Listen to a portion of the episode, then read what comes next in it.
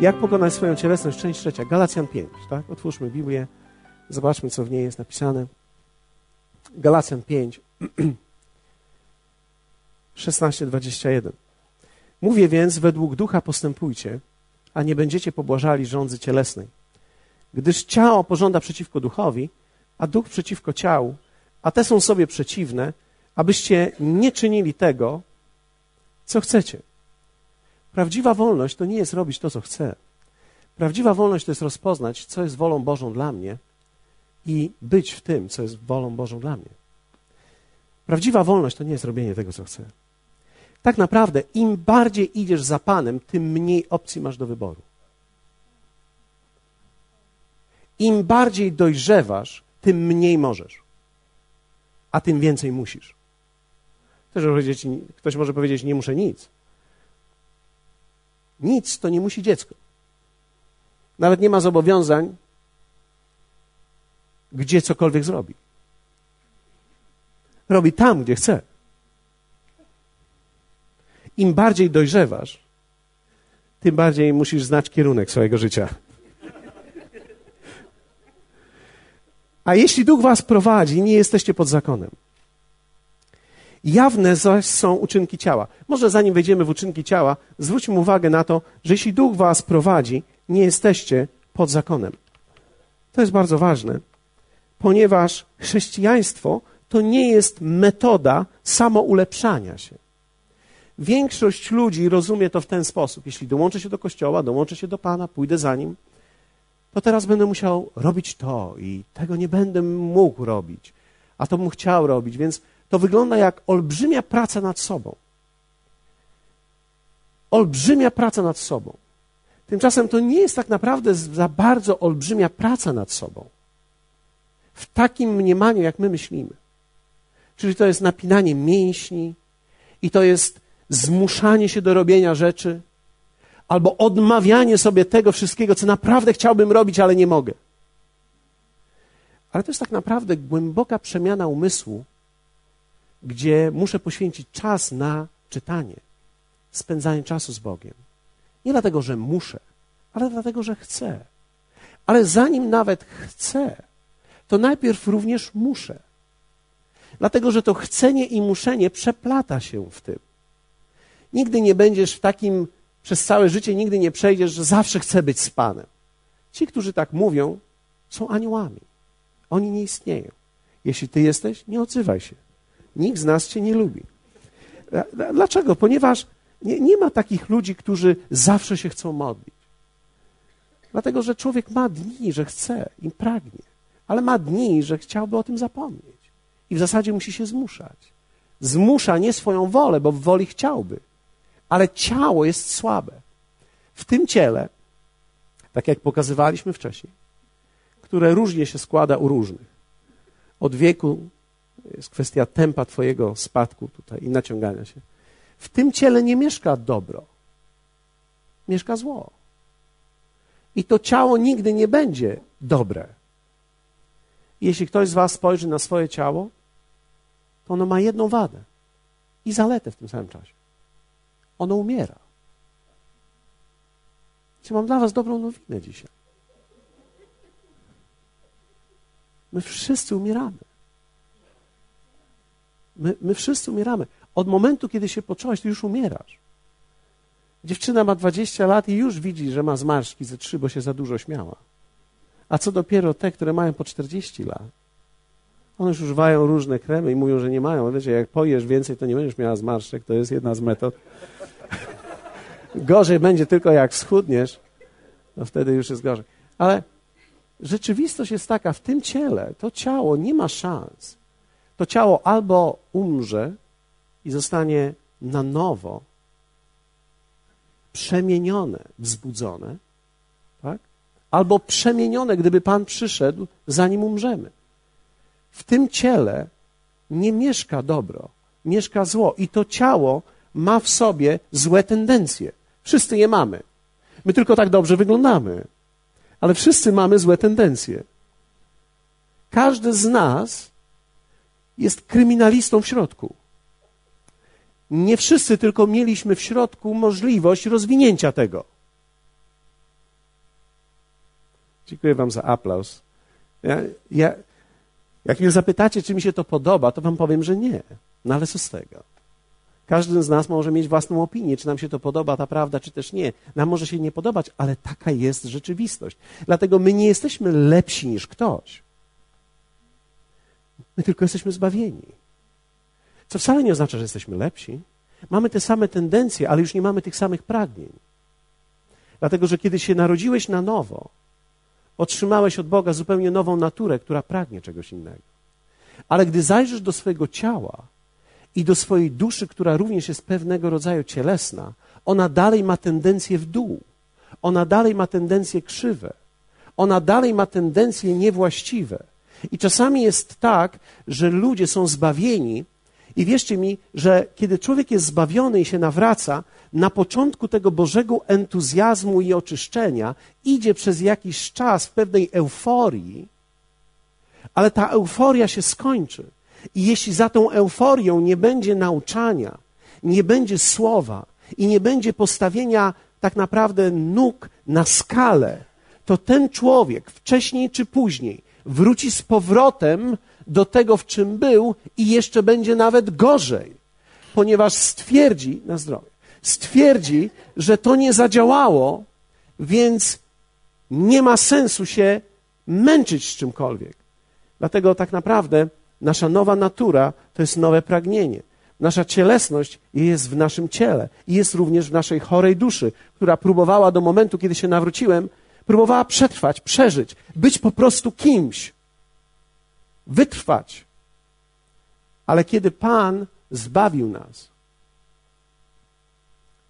masz tylko w tej chwili dwóch wrogów. To jest diabeł i ciało.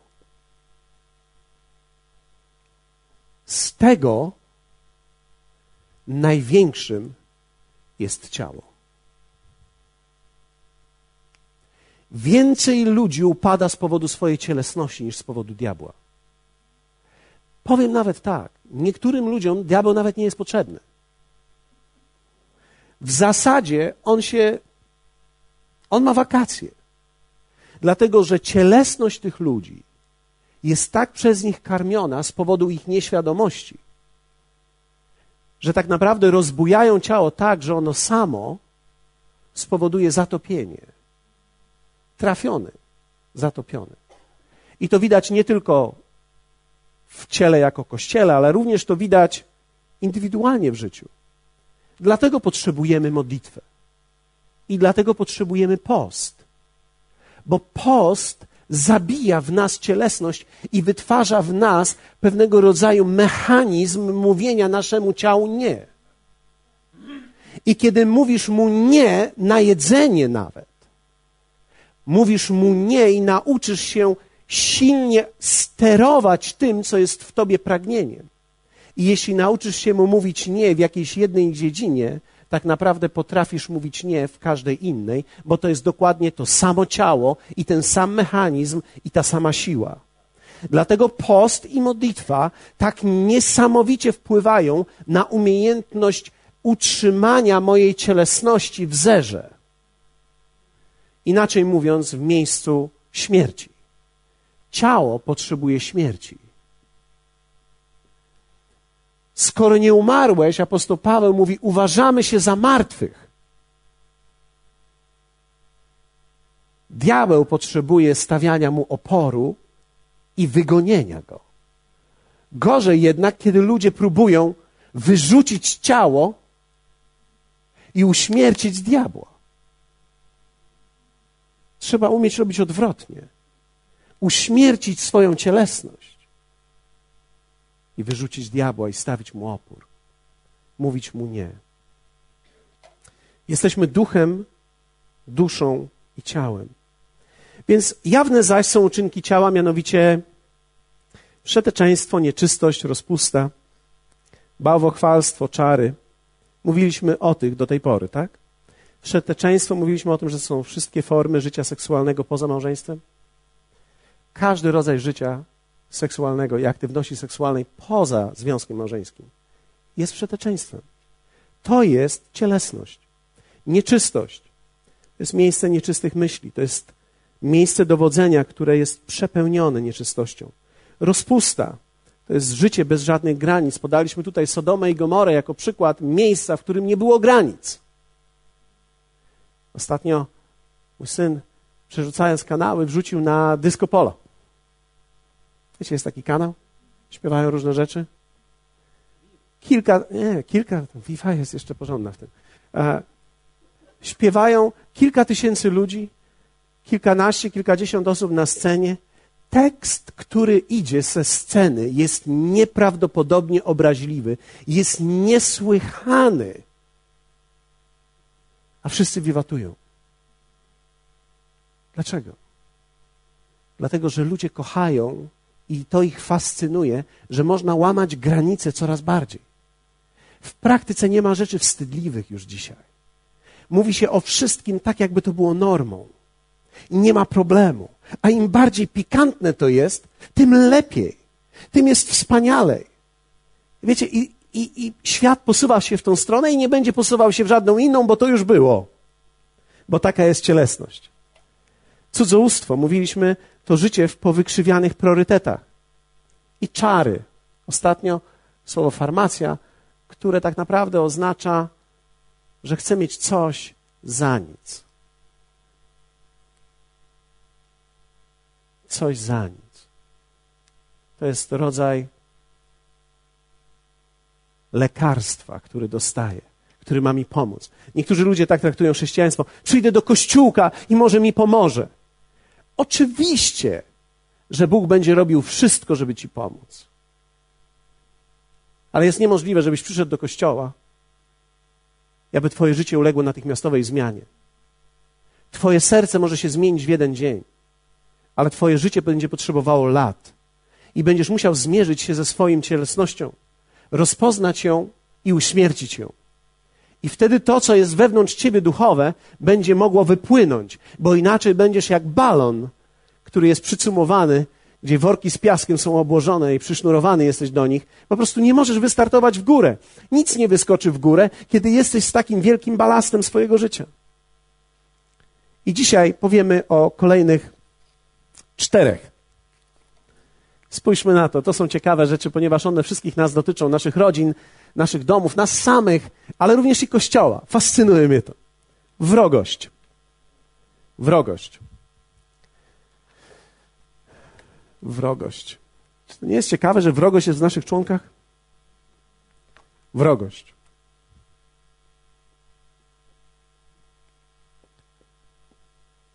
Greckie słowo tutaj użyte.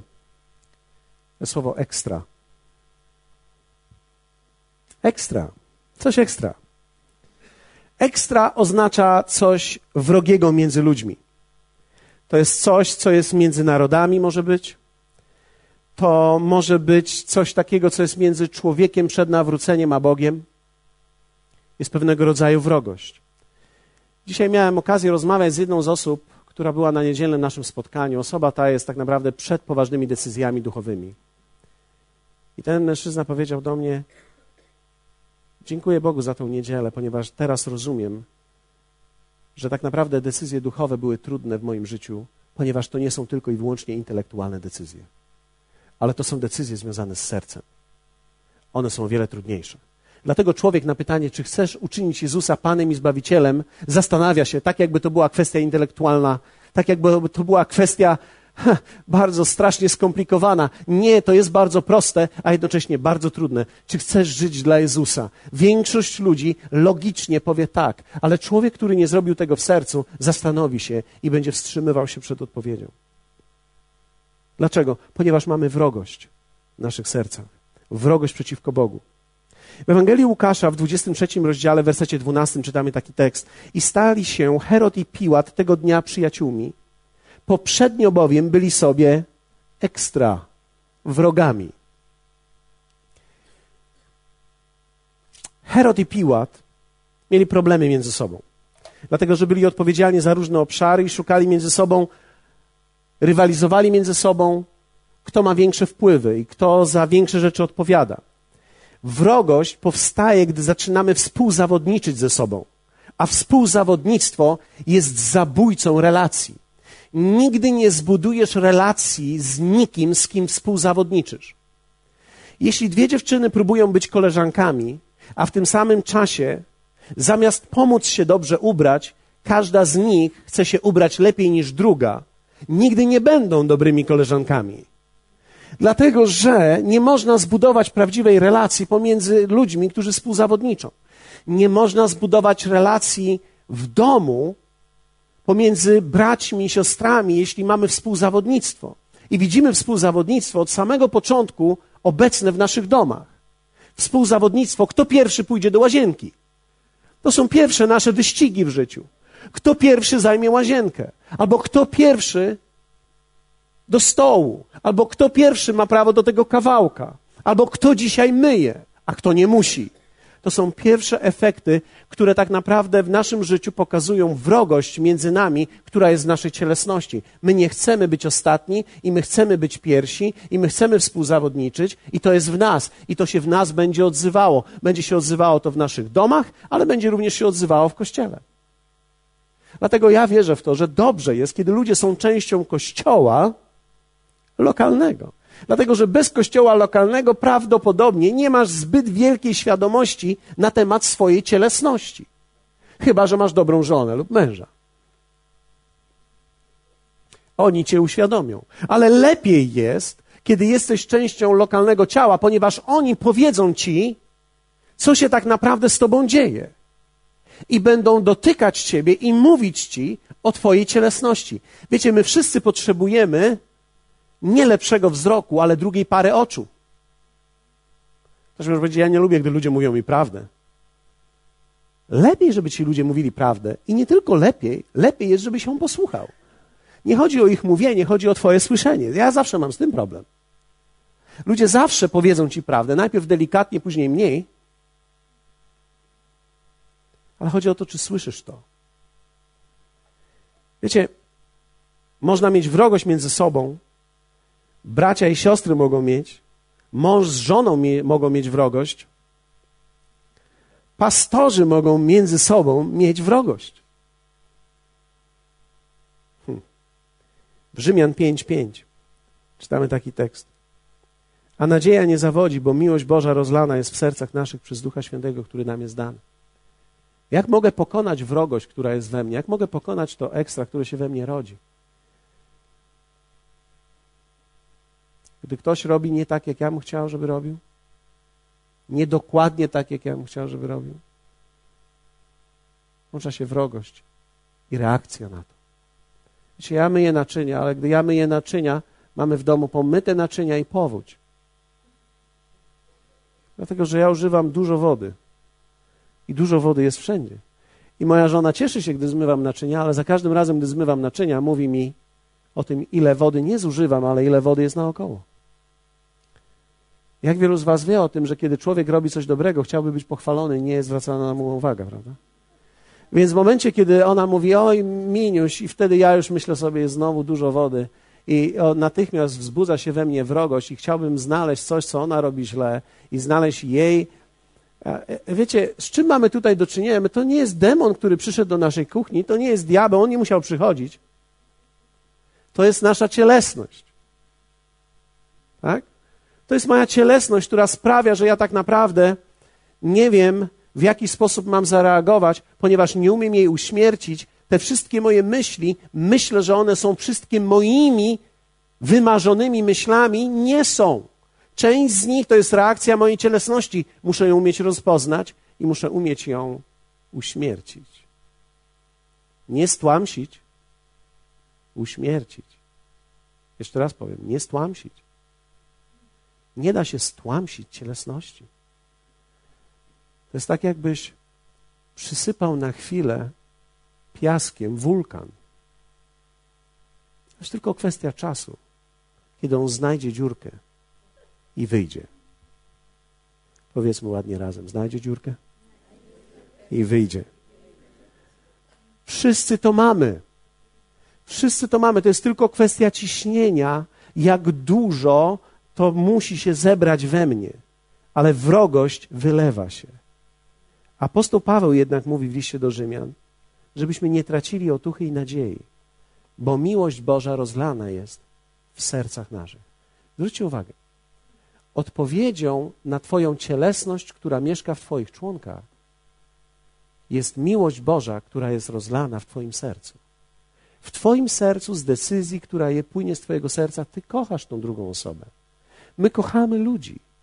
Mamy miłość, która jest od Ducha Świętego w nas. To jest jedna z pierwszych rzeczy, która się w nas pojawia, kiedy rodzimy się na nowo. Zaczynamy kochać ludzi. Zaczynamy kochać wrogów. Zaczynamy widzieć ich jakoś inaczej. Postrzegamy świat inaczej. Ludzie nie przestają być ludzcy. Dalej są ludzcy. Pozostaną ludzcy. Ale ja mam coś innego w moim sercu. I wiecie, w momencie, kiedy jesteś w stanie uśmiercić to i zdać sobie sprawę z tego, że miłość Bożą masz w swoim sercu i że ona jest rozlana, możesz zaczerpnąć z niej. I możesz na niemiłą uwagę swojej żony zareagować właściwie. Albo co najmniej nie zareagować. I nie na zasadzie jeszcze chwila. Jeszcze chwila. Ale już nie będzie potrzeba chwili.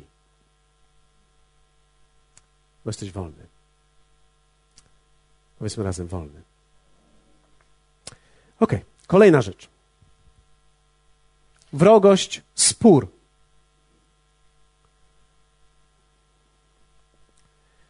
To jest słowo w greckim eris, które tak naprawdę określa polityczne dwie skrajnie ze sobą walczące partie.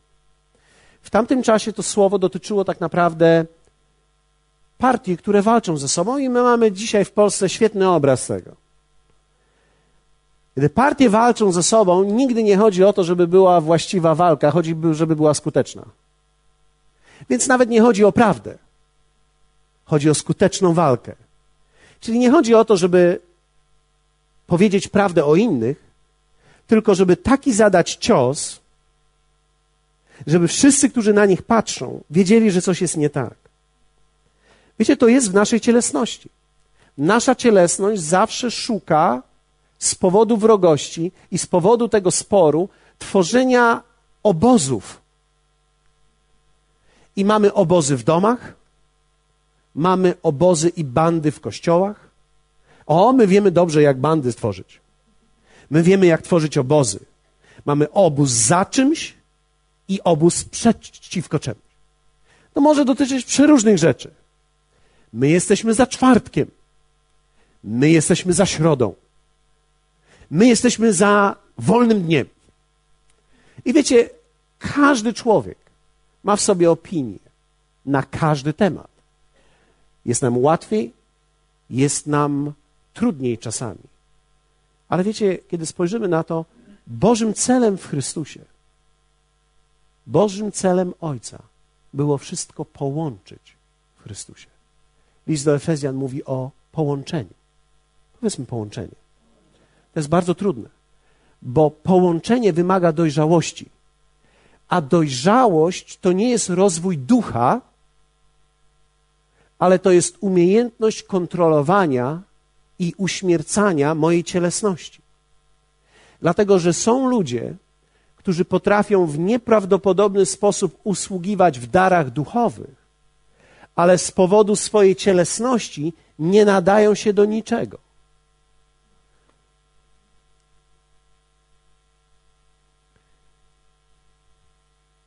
Mamy to w kościele przez cały czas.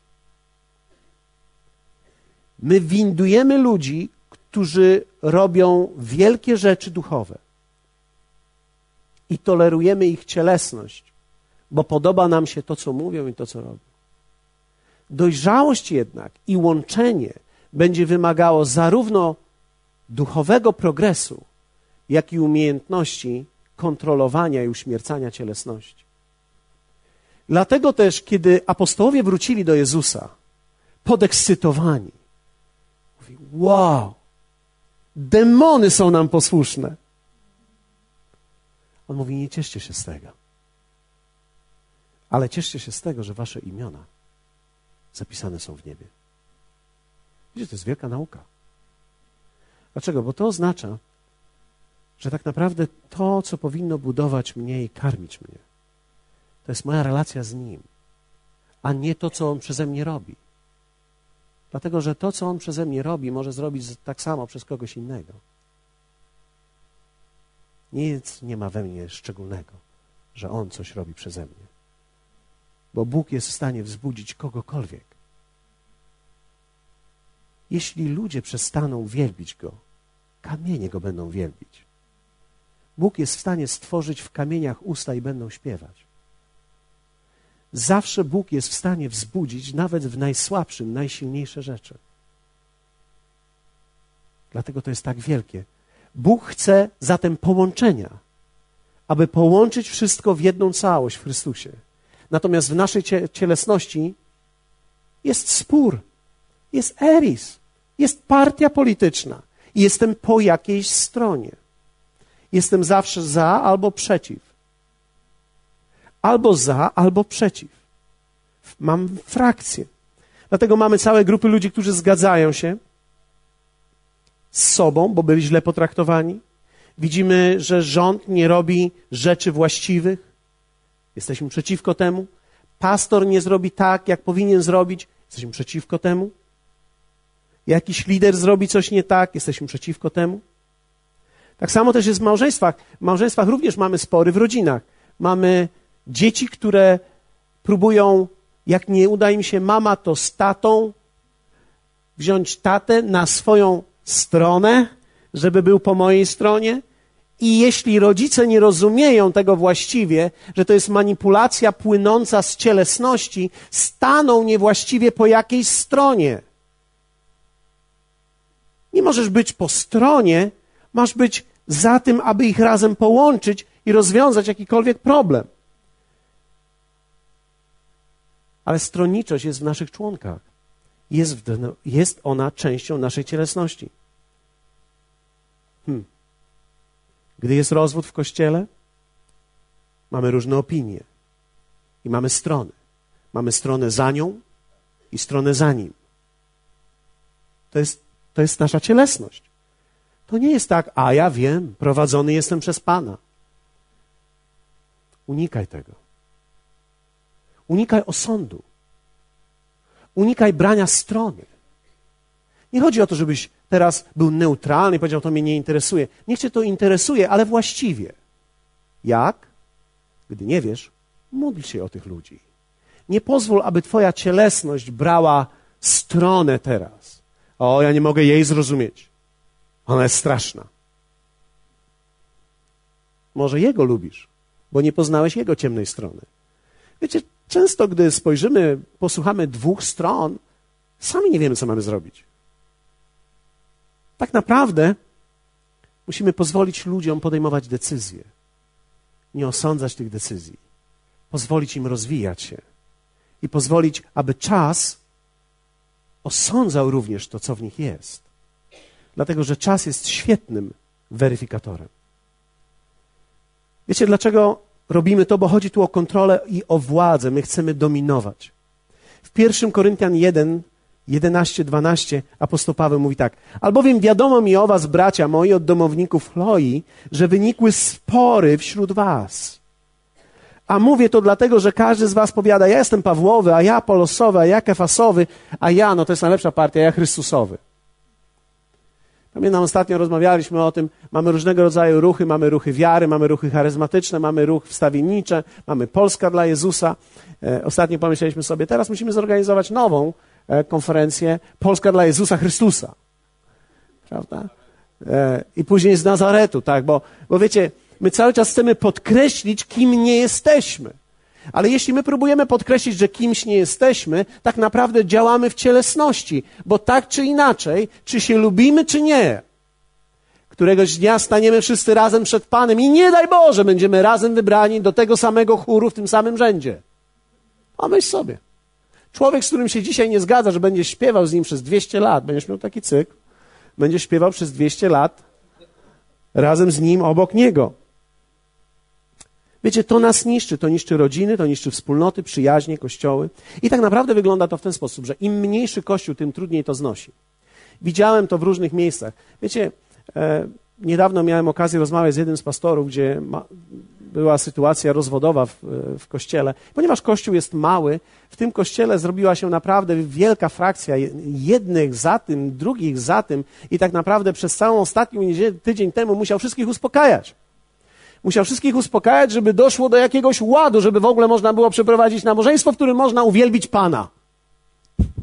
Dlaczego? Bo to jest w naszej cielesności. My jako ludzie chcemy wyrazić naszą opinię, my chcemy stanąć po którejś stronie.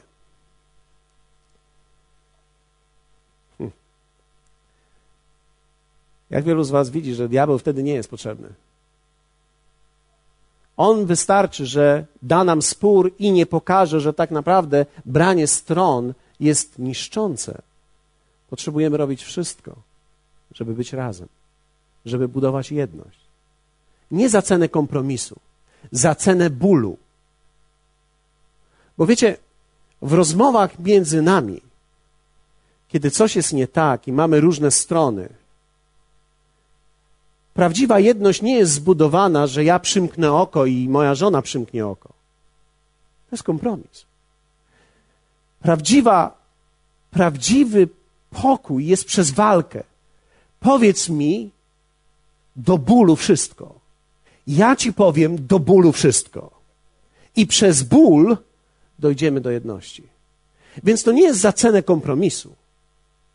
My nie chcemy w kościele tworzyć wspólnoty na zasadzie, o, miziać się i kiziać. No dobrze, halleluja, braciszku, siostrzyczko, super, wspaniale.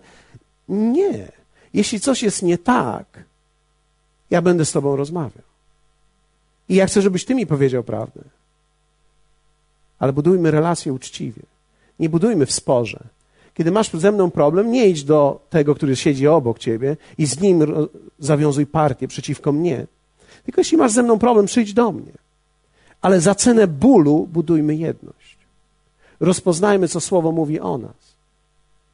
Jedność ma swoją cenę, ale trzeba mieć odwagę i uczciwość, żeby o nią zawalczyć. Jeśli tego nie wiemy, tak naprawdę spór, który jest w naszej cielesności, zniszczy nas zniszczy, zatrzyma Kościół, zatrzyma nasze rodziny, zatrzyma małżeństwa. To nie jest wola Boża. Wola Bożą jest to, abyśmy my, kiedy nawet nas boli i jest nam ciężko, doszli do miejsca jedności, że chcemy stać za sobą. Zbyt dużo zapłaciliśmy ceny do tego miejsca, żebyśmy dzisiaj zmieszali to z błotem. Myśmy tak wiele przeszli razem, że ja czuję, że Ty stoisz obok mnie i jesteś moim kompanem, bo powiedzieliśmy sobie tyle już prawdy że nie możemy jej teraz pogrzebać i odejść. My chcemy iść dalej i razem coś zbudować. Wiecie, to jest potężne.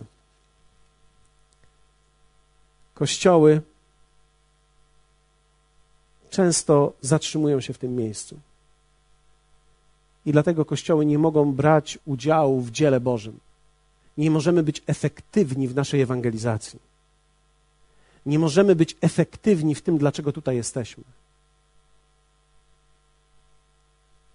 I diabłu chodzi o to, aby zniszczyć naszą efektywność. Żebyśmy tak naprawdę się odwrócili przeciwko sobie i ciągle mieli problemy między sobą. Bo tak długo, jak jesteśmy zajęci rozwiązywaniem problemów między sobą i ciągle walczymy między sobą, nie możemy tak naprawdę zniszczyć tego, co On zrobił i uwolnić wielu ludzi do królestwa. Ale to wymaga świadomości i to wymaga zrozumienia, że ten spór jest w nas, w mojej cielesności. Ja mam tendencję do sporu. Jak przychodzi Marta i mówi mi na Mateusza, a od razu jestem zdenerwowany na niego, ja już jestem w jej partii. To wymaga ode mnie świadomych decyzji, żeby powiedzieć, córuś, Poczekaj chwilę, z nim porozmawiam. Mat, jak było? No widzisz, tato, bo to do końca tak nie było, to było jeszcze tak. Ja mówię, aha, to jednak tak do końca nie było. No, więc teraz musicie się pogodzić razem. No teraz to już tak naprawdę niewiele mają już konfliktów. Teraz już w tym wspólnym bólu, który mają, się wspierają. Więc mają już teraz wspólnych wrogów, więc teraz jest łatwiej. Ale kiedy dzieci są małe, nie mają wspólnych wrogów, mają siebie jako wrogów, więc, więc wtedy jest ta walka. Ale to wymaga ode mnie jako rodzica świadomej decyzji, żeby nie stanąć po stronie. Bo gdy stanę po stronie, diabeł wykorzysta tak naprawdę to, co jest we mnie, ten spór, to, że ja stoję po jakiejś stronie. I to będzie niszczyło, to będzie dzieliło. Kolejna rzecz. Zazdrość. Tego prawie w ogóle nie ma w kościele. Ani w naszym życiu. Kto z Was kiedyś cokolwiek zazdrościł? Ja myślę, że wszyscy mamy to odczucie od czasu do czasu. Nie zawsze ono polega na tym, że to artykułujemy, że mówimy o tym, czy dzielimy się tym, ale są pewne odczucia i emocje, które są zrodzone w nas, gdy widzimy, że komuś się powodzi. Lepiej niż nam. Nawet nie chodzi, że mu się powodzi, tylko że lepiej niż nam. To słowo greckie to jest słowo zelos, które ma również pozytywną stronę. To jest również pozytywnie używane słowo. W 1 Koryntian 14:1 na przykład mamy dążcie do miłości i starajcie się też usilnie o dary duchowe.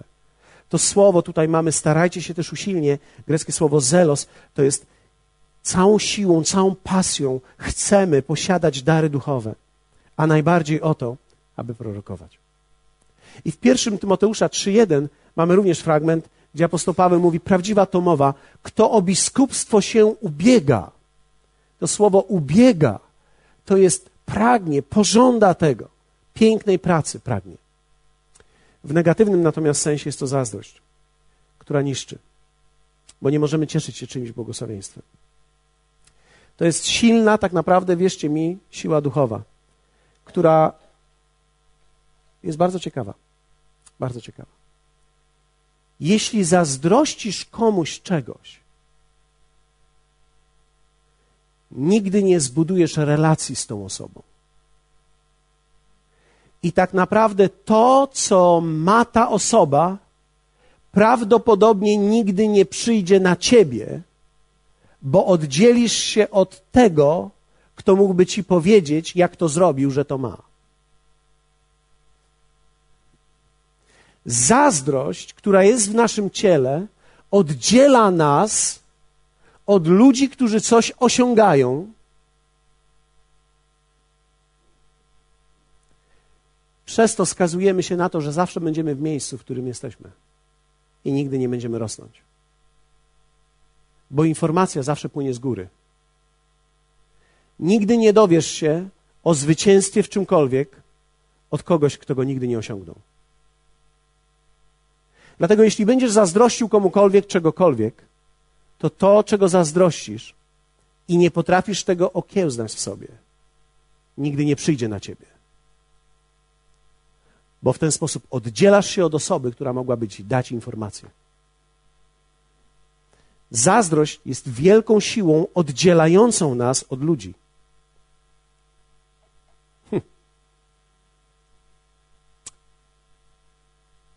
To cię trzyma również od miejsca zwycięstwa. Ale w dniu, kiedy powiesz: Jestem szczęśliwy, że masz to, co masz, i wezmę to, że ty to masz, jako proroctwo do swojego życia, że to jest możliwe. Skoro było możliwe dla ciebie, Bóg nie ma wybrańców. Bóg tylko szuka ludzi, którzy ufają Jego słowu. To również może przyjść dla mnie, na moje życie. Więc to, że to się stało dla ciebie, to się również może stać dla mnie. Błogosławię Ciebie, błogosławię Pana. Jestem Mu wdzięczny za to, co mam dzisiaj. Bracia Józefa działali z zazdrością i żyli zazdrością. Dlatego nigdy nie rozwinęli swojego życia, bo ono zawsze ich oddzielało od ludzi i skończyli w miejscu, w którym musieli prosić o pomoc. W Józefie nigdy nie zobaczysz kogoś, kto zazdrościł komuś, kto miał więcej. Błogosławił i pomagał wszystkim ludziom, którzy są wokół niego. I błogosławił tych, którzy mieli więcej i robili więcej.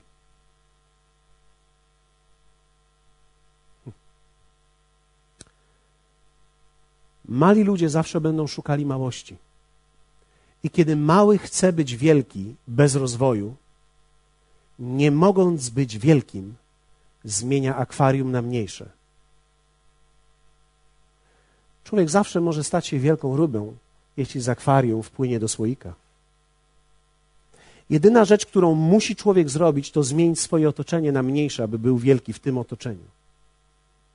Nigdy nie zmieniaj otoczenia dla poczucia wielkości.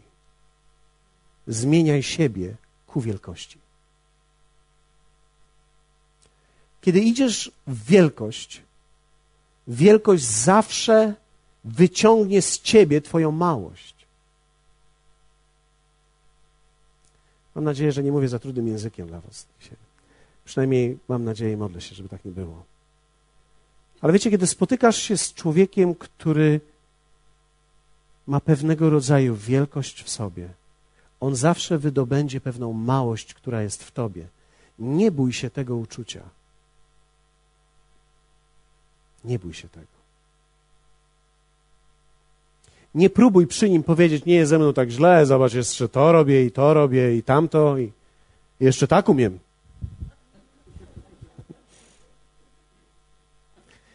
Nie szukaj ulgi, szukaj rozwoju. Zazdrość może zniszczyć nas. Kiedy komukolwiek cokolwiek wychodzi, zachowaj swoją cielesność w śmierci i błogosław ich. To wcale nie oznacza, że nie będziesz miał odruchu, czemu nie ja? Ktoś może z całej tej euforii przyjść i powiedzieć ci, wiesz co, dzisiaj wszedłem na spotkanie i ktoś mi dał stówę. Dostałem ją. Ja chciałem się z nim podzielić ale w nim natychmiast powstaje odczucie, odczucie zazdrości, które chce go oddzielić ode mnie. Więc on musi umieć powiedzieć nie temu pierwszemu odczuciu. Powiedzieć: Dziękuję Ci, Panie. To cudownie, cieszę się razem z Tobą ponieważ on może zrobić zupełnie inną rzecz. Może powiedzieć, bogatemu to nawet. Wiecie, można znaleźć różne wymysły. Można uderzać w człowieka. Ale ciesz się tym. Gdy ktoś coś zrobi, gdy ktoś się cieszy czymś, ciesz się razem z nim. I ostatnie. Idziemy dobrze w czasie. O, tak się cieszę. Tego też nikt nie ma problemu z tym. Gniew. Gniew. Greckie słowo tumas, które tak naprawdę mówi o gotującym się wewnątrz garnku, przykrytym pokrywką. To jest troszeczkę tak jak moja teściowa. Jak mojej teściowej chciałem powiedzieć naczynie. Nie jak moja teściowa. O, ona jest, ona jest aniołem. Ona jest aniołem. Ja życzę samych takich aniołów. Wam wszystkim. Życzę wam wszystkim takiej teściowej, jaką ja mam. Prawdopodobnie będziecie wtedy tacy jak ja. Czego nie wiem, czy chcecie, ale w tej części przynajmniej. Ona ma taki garnek, jak on się nazywa, kochanie? Ten, który się pod ciśnieniem. Szybkowar. Szybkowar jest bardzo ciekawą instrumentem, ponieważ możesz tam ugotować albo udusić mięso szybciej, gdyż nie tylko ono ma temperaturę, ale ma również ciśnienie, które się wytwarza w tym garnku. I gdy ono oczywiście przekroczy pewien tam limit, ma taki gwizdeczek u góry i wtedy w całej kuchni wyskakuje i gniew. Dokładnie tak to działa. To jest jak wulkan, który szuka najkrótszej drogi. Mówiłem o tym, że ignorowanie tego nie pomaga, trzeba to umieć ukrzyżować. Hmm. Muszę Wam powiedzieć, że to była jedna z rzeczy, to jest tak, gniew jest rzadko widoczny. Są ludzie, którzy swoją ekspresję wyrzucają, ale kiedy człowiek jest już wierzący i nie może przeklinać z wyjątkiem windy, gdy jest sam, albo w samochodzie, gdy jedzie, to przy ludziach generalnie zachowujemy się raczej tak, jakby ktoś nam nałożył kaganiec. Ale to wcale nie oznacza, że mamy rozwiązany problem. I muszę Wam powiedzieć, że gniew może być częścią Ciebie, tak, że tego nie widzisz nawet. We mnie myślę, że to był jeden z większych problemów mojego życia. Wielu ludziom, którzy ze mną współpracują, dostało się z tego powodu. Ponieważ ja, ja mam wysuszoną tą draskę. Ja, ja, ja jestem jak, jak suche siano w tym. Szybko się zapalam. E, nie jestem perfekcjonistą, ale kiedy rzeczy nie dzieją się dokładnie tak, jak ja bym chciał, natychmiast tendencję mam płomienia. Tak jakby ktoś jeszcze podsycał to specjalnie wiatrem i niełatwo, nie, nie, wcale nie jest trudno mnie rozpalić. Oczywiście nie pokażę tego, jestem wytrenowanym wierzącym przez lata, więc mam uśmiech i, i umiem mówić przez zęby również. Wiem, że nikt z Was z tym nie ma problemu, to tylko ja jestem wśród Was taki, ale okej, okay, może poznacie kogoś takiego. To jest coś, co było we mnie. I ja nie wiedziałem, jak sobie mam z tym poradzić. Myślę, że to było coś, co niszczyło mnie. E, czasami były to rzeczy, które, wiecie, e, dzieją się w czasie konwencji, w czasie dużych imprez. Pamiętam któregoś dnia usiadłem w biurze, gdy coś nie szło. Usiadłem w biurze na fotelu i pomyślałem sobie tak, Jezu, ja już nie mogę oddychać, ja się tak stresuję, ja, ja wypiłem już którąś kawę, ja nie mogę oddychać, ja czuję ciężar, to chyba muszę iść do lekarza, ja nie wiem, jakie jest moje EKG. Ale rzeczywiście tak było, że dla mnie to była kwestia tak naprawdę takiego gniewu niekontrolowanego we mnie, który nie wiedziałem, że będę mógł kontrolować w życiu. Nie wiedziałem, że Bóg ma odpowiedź dla mnie, że jest w stanie uleczyć mnie z tego przez danie mi łaski do widzenia tego, ale również przez danie mi siły, aby mówił temu nie we właściwym momencie.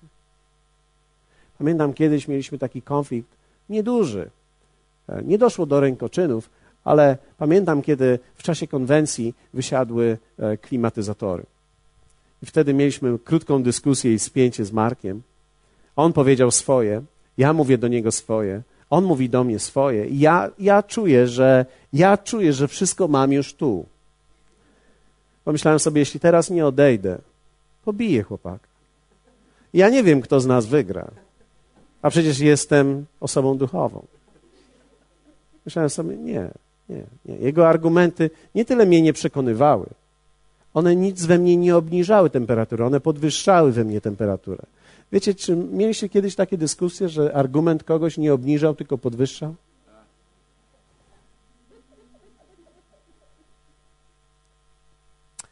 Często z moją mamą, kiedy rozmawiamy, gdy rozmawiamy, gdy już w końcu rozmawiamy. Ale rzeczywiście tak było. Ostatnio miałem taki test.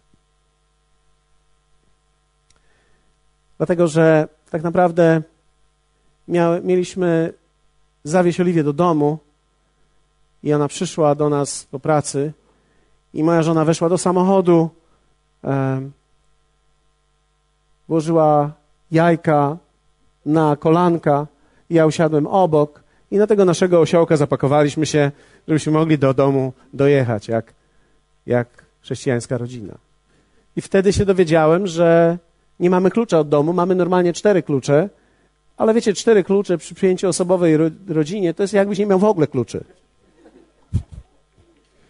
Więc w tym momencie zorientowaliśmy się, że nie mamy klucza, żeby zawieźć ją do domu, przebrać się i odwieźć ją na śpiew.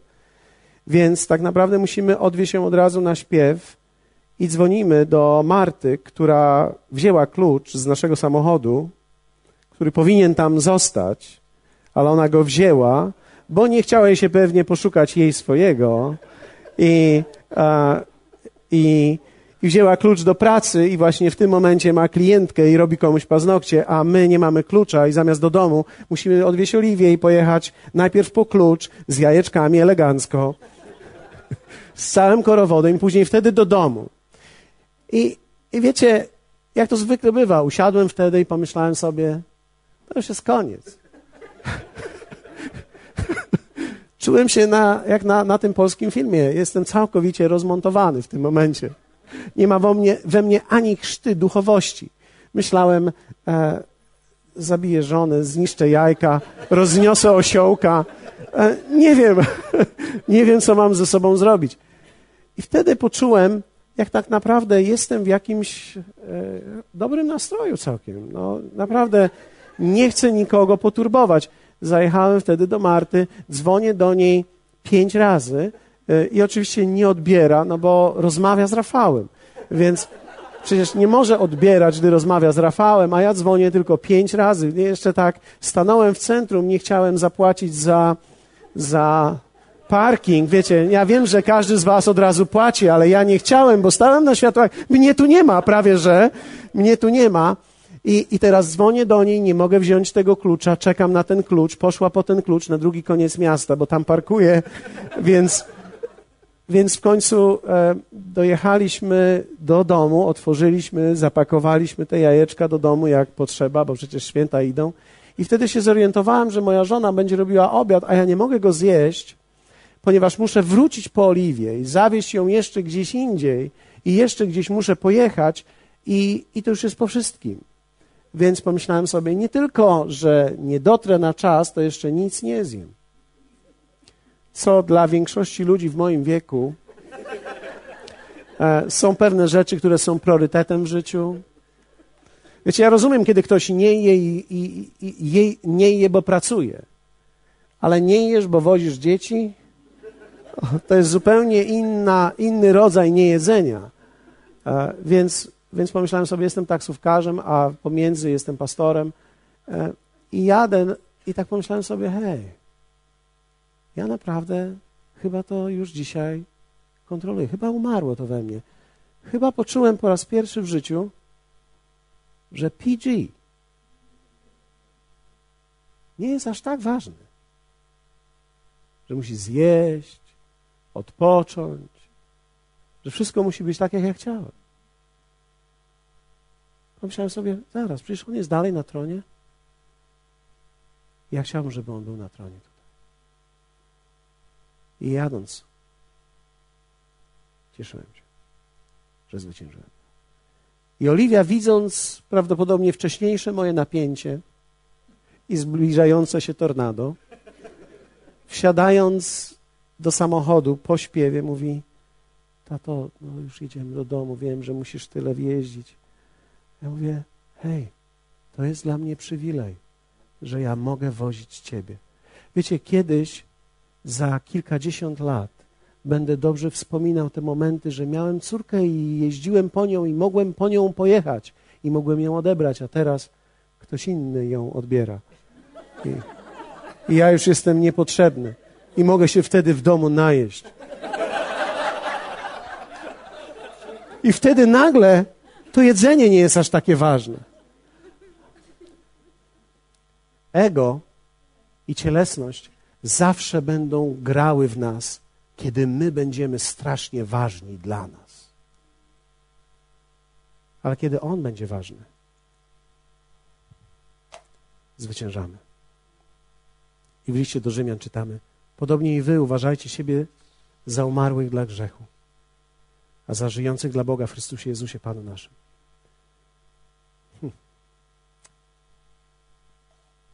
Pozostałe rzeczy, których dzisiaj nie powiedziałem, opowiem na małych grupach dla wszystkich.